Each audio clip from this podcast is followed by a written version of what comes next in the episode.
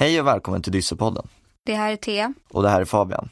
Och idag har jag faktiskt med mig Thea som gästpoddare som ska hjälpa mig att, eh, att intervjua idag. Och våran gäst är Gulistan Kavak som vann dyslexipriset 2023. Hej Gulistan! Hej! Varmt välkommen till Dyssepodden. Jättekul att ha dig här. Tusen tack. Vad är syftet med priset? Eh, syftet med priset är att främja insatser utöver det vanliga som bedöms leda till positiv resultat för personer med dyslexi, dyskalkyli eller andra läs och skriv och räknesvårigheter. Och motiveringen till priset? Ja, det är att eh, jag har då fått pris för att jag syn synliggör det osynliga genom mitt arbete om analfabetism och dyslexi. Eh, vi tänkte börja med att du får berätta lite, lite mer om dig själv. Jag heter då Gullistan Kavak.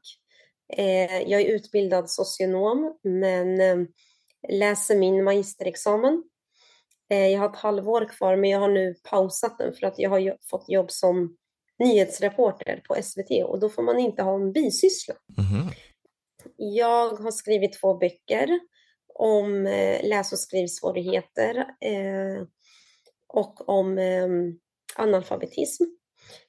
Jag har en son som är sex år gammal och vi två lever ihop med våran katt.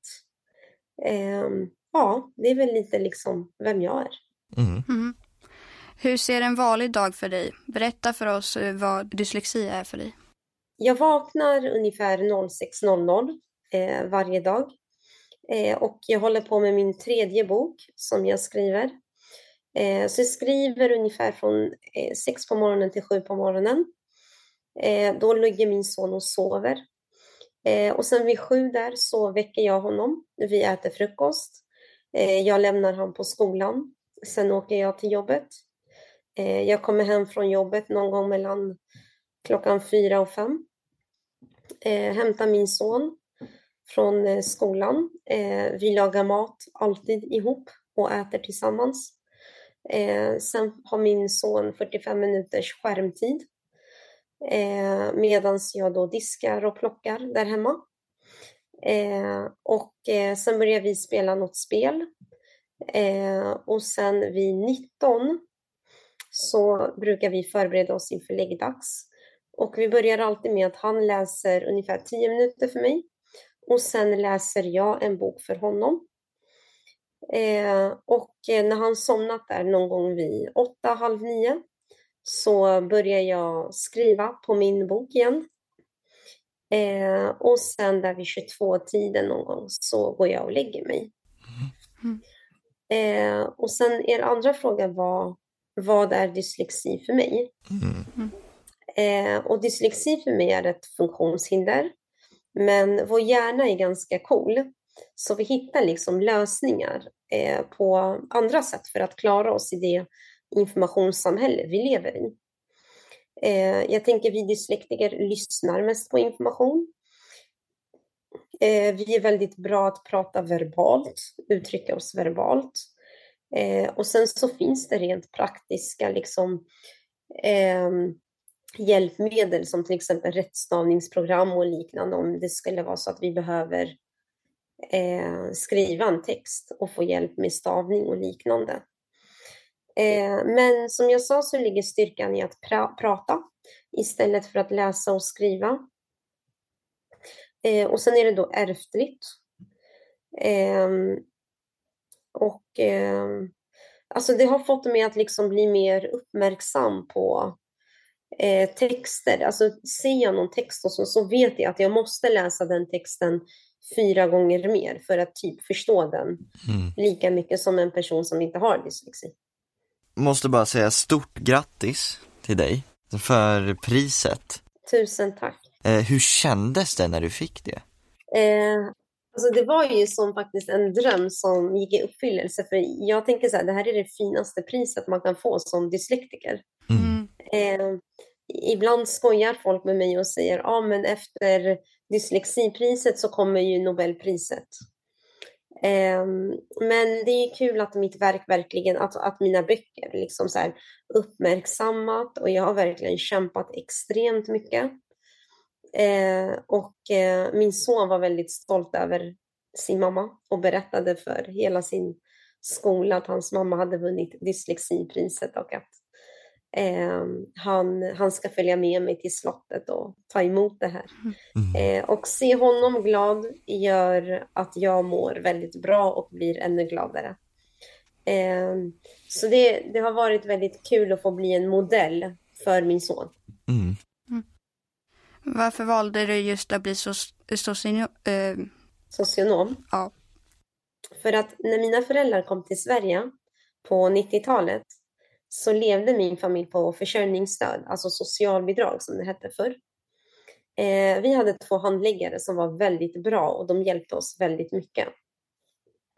Eh, vi är sex barn i familjen och mina föräldrar sa alltid att eh, under vår uppväxt att när vi blir stora, då måste minst två av oss bli handläggare och jobba på socialtjänsten och hjälpa människor eh, kunna ge tillbaka liksom, den här hjälpen som vi har fått till någon annan. Eh, och min äldsta syster, hon blev sjuksköterska och det var ingenting som intresserade mig alls. Eh, men min andra syster blev socionom eh, och jag tyckte att hennes eh, studier var intressanta. Ehm, och eh, och sen min, den andra systern blev jurist och där tyckte jag det var för tungt liksom att hålla på med lagboken. Och min bror utbildade sig till datasystemvetare. Det var också så här, det var mycket liksom tekniskt. Det var också, jag kunde ingenting sånt. Um, så det blev socionom, men jag hade funderingar på att bli psykolog. Men jag kom faktiskt inte in på utbildningen. Ehm, men jag är tacksam för den utbildning jag har idag, för den är väldigt bred.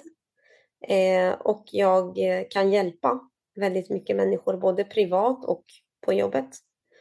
Eh, och jag trivs väldigt bra i skolan och med mina... Eh, alltså, och jag själv gick till en kurator när jag faktiskt var yngre och då kände jag bara så här, här kan man liksom göra förändringar hos barn. Vad är det bästa med ditt yrke? Det är att göra skillnad för eh, barn, familjer Eh, både liksom på makronivå, alltså på ett stort, på liksom eh, på en stor, där, ja, på ett, på ett makronivå och individnivå eh, och jobba förebyggande. Eh, och jag har ju skrivit en barnbok och läser den för liksom eleverna som går på lågstadiet. Och det gör mig verkligen lycklig för att kunna sprida kunskap till den yngre generationen. Eh, och jag är också väldigt tacksam att jag kan använda mina böcker i mitt arbete, dagliga arbete. Eh, och vuxenboken har jag faktiskt föreläst både på universitet för studenter som ska bli socionomer, men också för elever som går på högstadiet, alltså årskurs 8 och 9. Eh, så det har varit väldigt kul att få lära dem något nytt. Eh, men de tror alltid att en kurator jobbar med många barn tror alltid att en kurator jobbar med att skriva böcker. Så där behöver jag verkligen vara tydlig med att mitt jobb är inte att skriva böcker, utan det är en bisyssla jag har. Mm. Mm. Jobbar du eller har du jobbat med någon med dyslexi? Alltså jag, ingår, jag ingick i skolans elevhälsoteam där elever med läs och skrivsvårigheter ofta kommer upp. Eh, och där pratar vi ofta om hur vi tillsammans kan hjälpa dem. Och när jag är i klass kan jag också ganska snabbt upptäcka elever som har läs och skrivsvårigheter eller dyslexi. Eh, och jag brukar tipsa både dem och deras föräldrar att göra en dyslexiutredning. Eh, jag erbjuder också enskilda samtal med de här eleverna eh, om deras diagnos och när de precis fått sin diagnos. Jag tänker alltid hur man underlättar för elever med läs och skrivsvårigheter när jag är i ett klassrum och till exempel ska undervisa. Eh, men jag har inga kollegor som jag vet som har dyslexi. Mm. mm. Du har skrivit två böcker. Mm. Eh, min mamma kan inte läsa och skriva samt analfabetism, det osynliga funktionshindret. Mm. Hur blev det att du ville skriva böcker om ditt liv? idén till den första boken som vänder sig till vuxna som heter Analfabetism, det osynliga funktionshindret.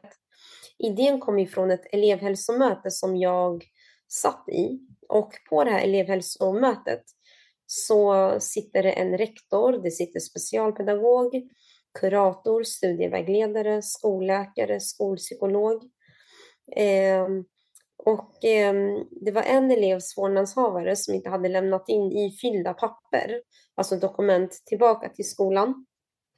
Och då säger rektorn till mig att jag ska göra en orosanmälan på det. Eh, och jag säger nej, vänta, stopp. Jag vill ju först prata med eleven och mentorn och vårdnadshavare innan vi gör en orosanmälan. Eh, och det framkom faktiskt att efter att jag hade pratat med eleven och vårdnadshavarna att de här föräldrarna faktiskt hade aldrig, hade aldrig fått möjlighet att gå i skolan. För de hade ett romskt påbrå. Eh, men de talade flytande svenska och kunde även prata engelska. Eh, och hade inte jag haft min erfarenhet så hade jag gjort den där orosanmälan på de där föräldrarna. Ehm, och när jag skrev på kontraktet till den här boken, ehm, eller förlåt, ja, idén kom liksom ifrån att jag upplevde att det var brist på kunskap inom läs och skrivsvårigheter. Mm. För när jag också säger till mina kollegor att men alltså föräldrarna kanske är analfabeter eller de kanske bara har läs och skrivsvårigheter, då säger någon där på mötet att nej, men det här med analfabetism, det finns bara i länder som dina föräldrar kommer ifrån. Och någon annan säger att nej, men i Sverige är det skolplikt och här går vi i skolan till årskurs nio, så här kan alla läsa och skriva. Eh, och det var någon som också sa, vad betyder ens analfabetism? Eh, och när jag sitter med människor med sådana höga utbildningar och som jobbat i skolvärlden i typ 20 år och jag är yngst där och upptäcker att men hallå, de här har ingen kunskap om det här. Då, då kom idén att jag måste skriva en bok om det här för att öka kunskapen om det här.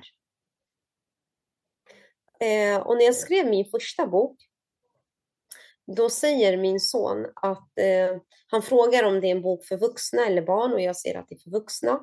Och då säger han att det är orättvist att jag skriver böcker för vuxna och inte för barn. Eh, så han frågar om jag kan skriva en barnbok om samma ämne. Eh, så därför skriver jag en eh, barnbok eh, som då heter Min mamma kan inte läsa och skriva. Och det är en idé som kommer ifrån honom. Mm. Skulle du kunna berätta för våra lyssnare som kanske inte vet vad det är, vad är eh, analfabetism? Ja, det är att en person saknar skolgång helt eller att en person gått i skolan i mindre än fyra år.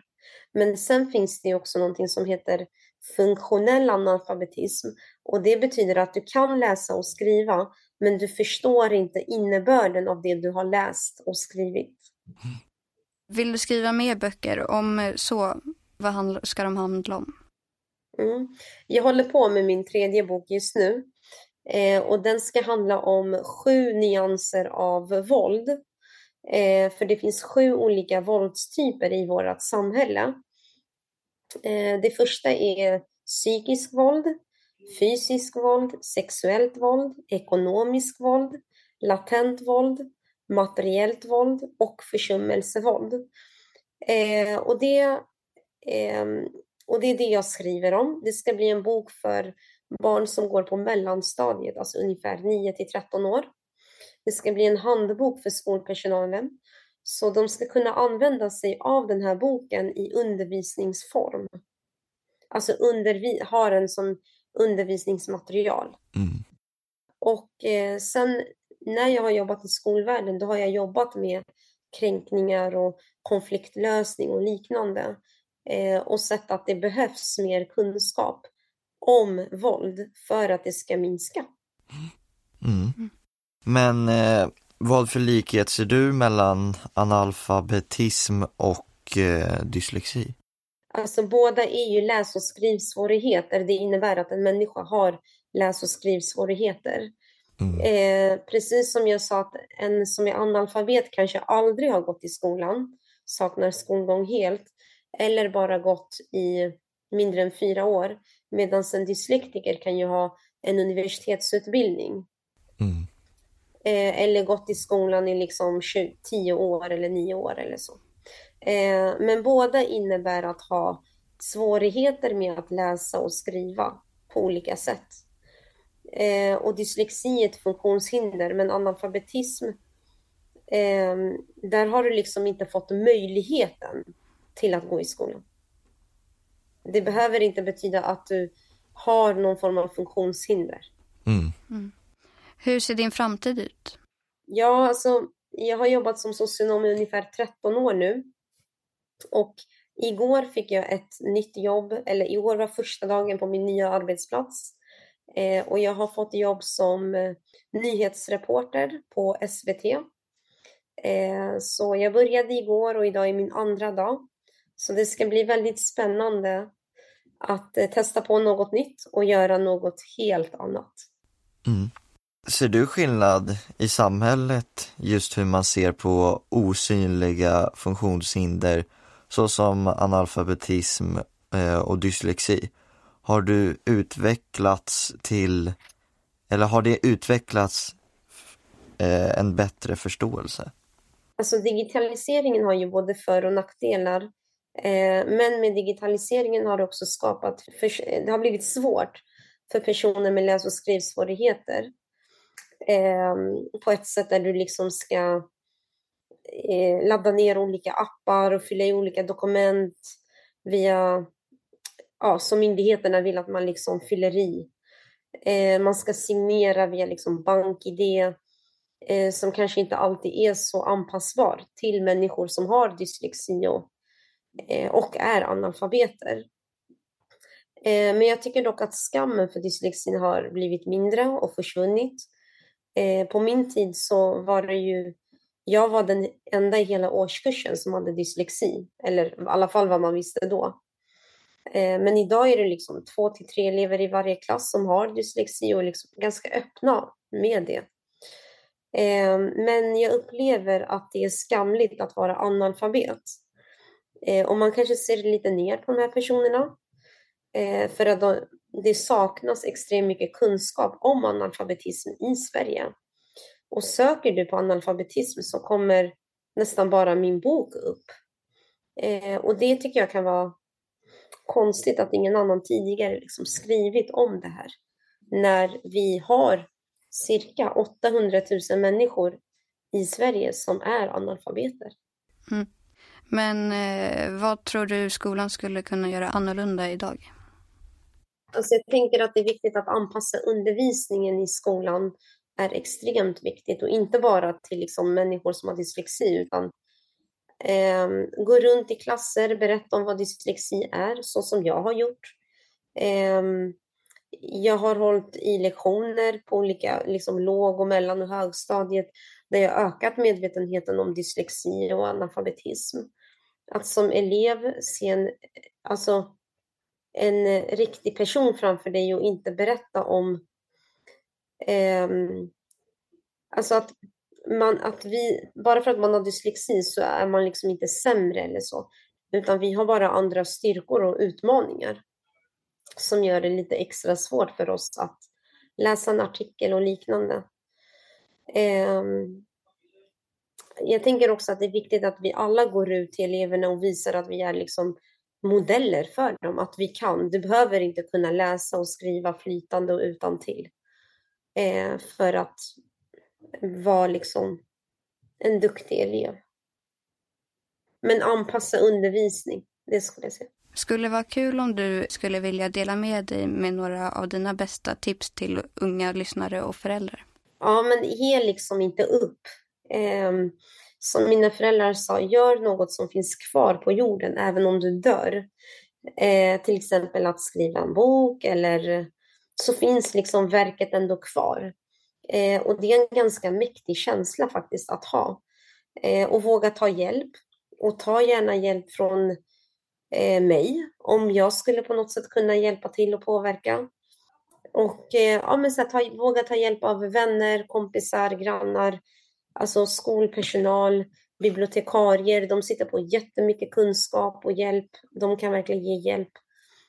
ja, alltså bibliotek har ju verkligen räddat mig väldigt mycket. Och också de här läxhjälpstunderna i skolan där man kan få hjälp, extra stöd. Stort tack eh, Gullistan för att du har medverkat i vår podd idag och allt eh, du har delat med dig. Vi hoppas ni som lyssnar på podden har fått en massa bra med er. Om någon lyssnare skulle vilja komma i kontakt med Gullistan, hur skulle du bäst eh, kontakta dig? Eh, ni kan antingen nå mig på sociala medier eller så kan ni mejla till min jobbmail gullistan.kavak.svt.se. Ja. Tack till dig som har lyssnat. Har du idéer på vem ni ska intervjua eller har frågor att ställa, kontakta oss på hej.ftb.se. Följ oss gärna på Instagram, Dyssepodden och vi finns där poddar finns.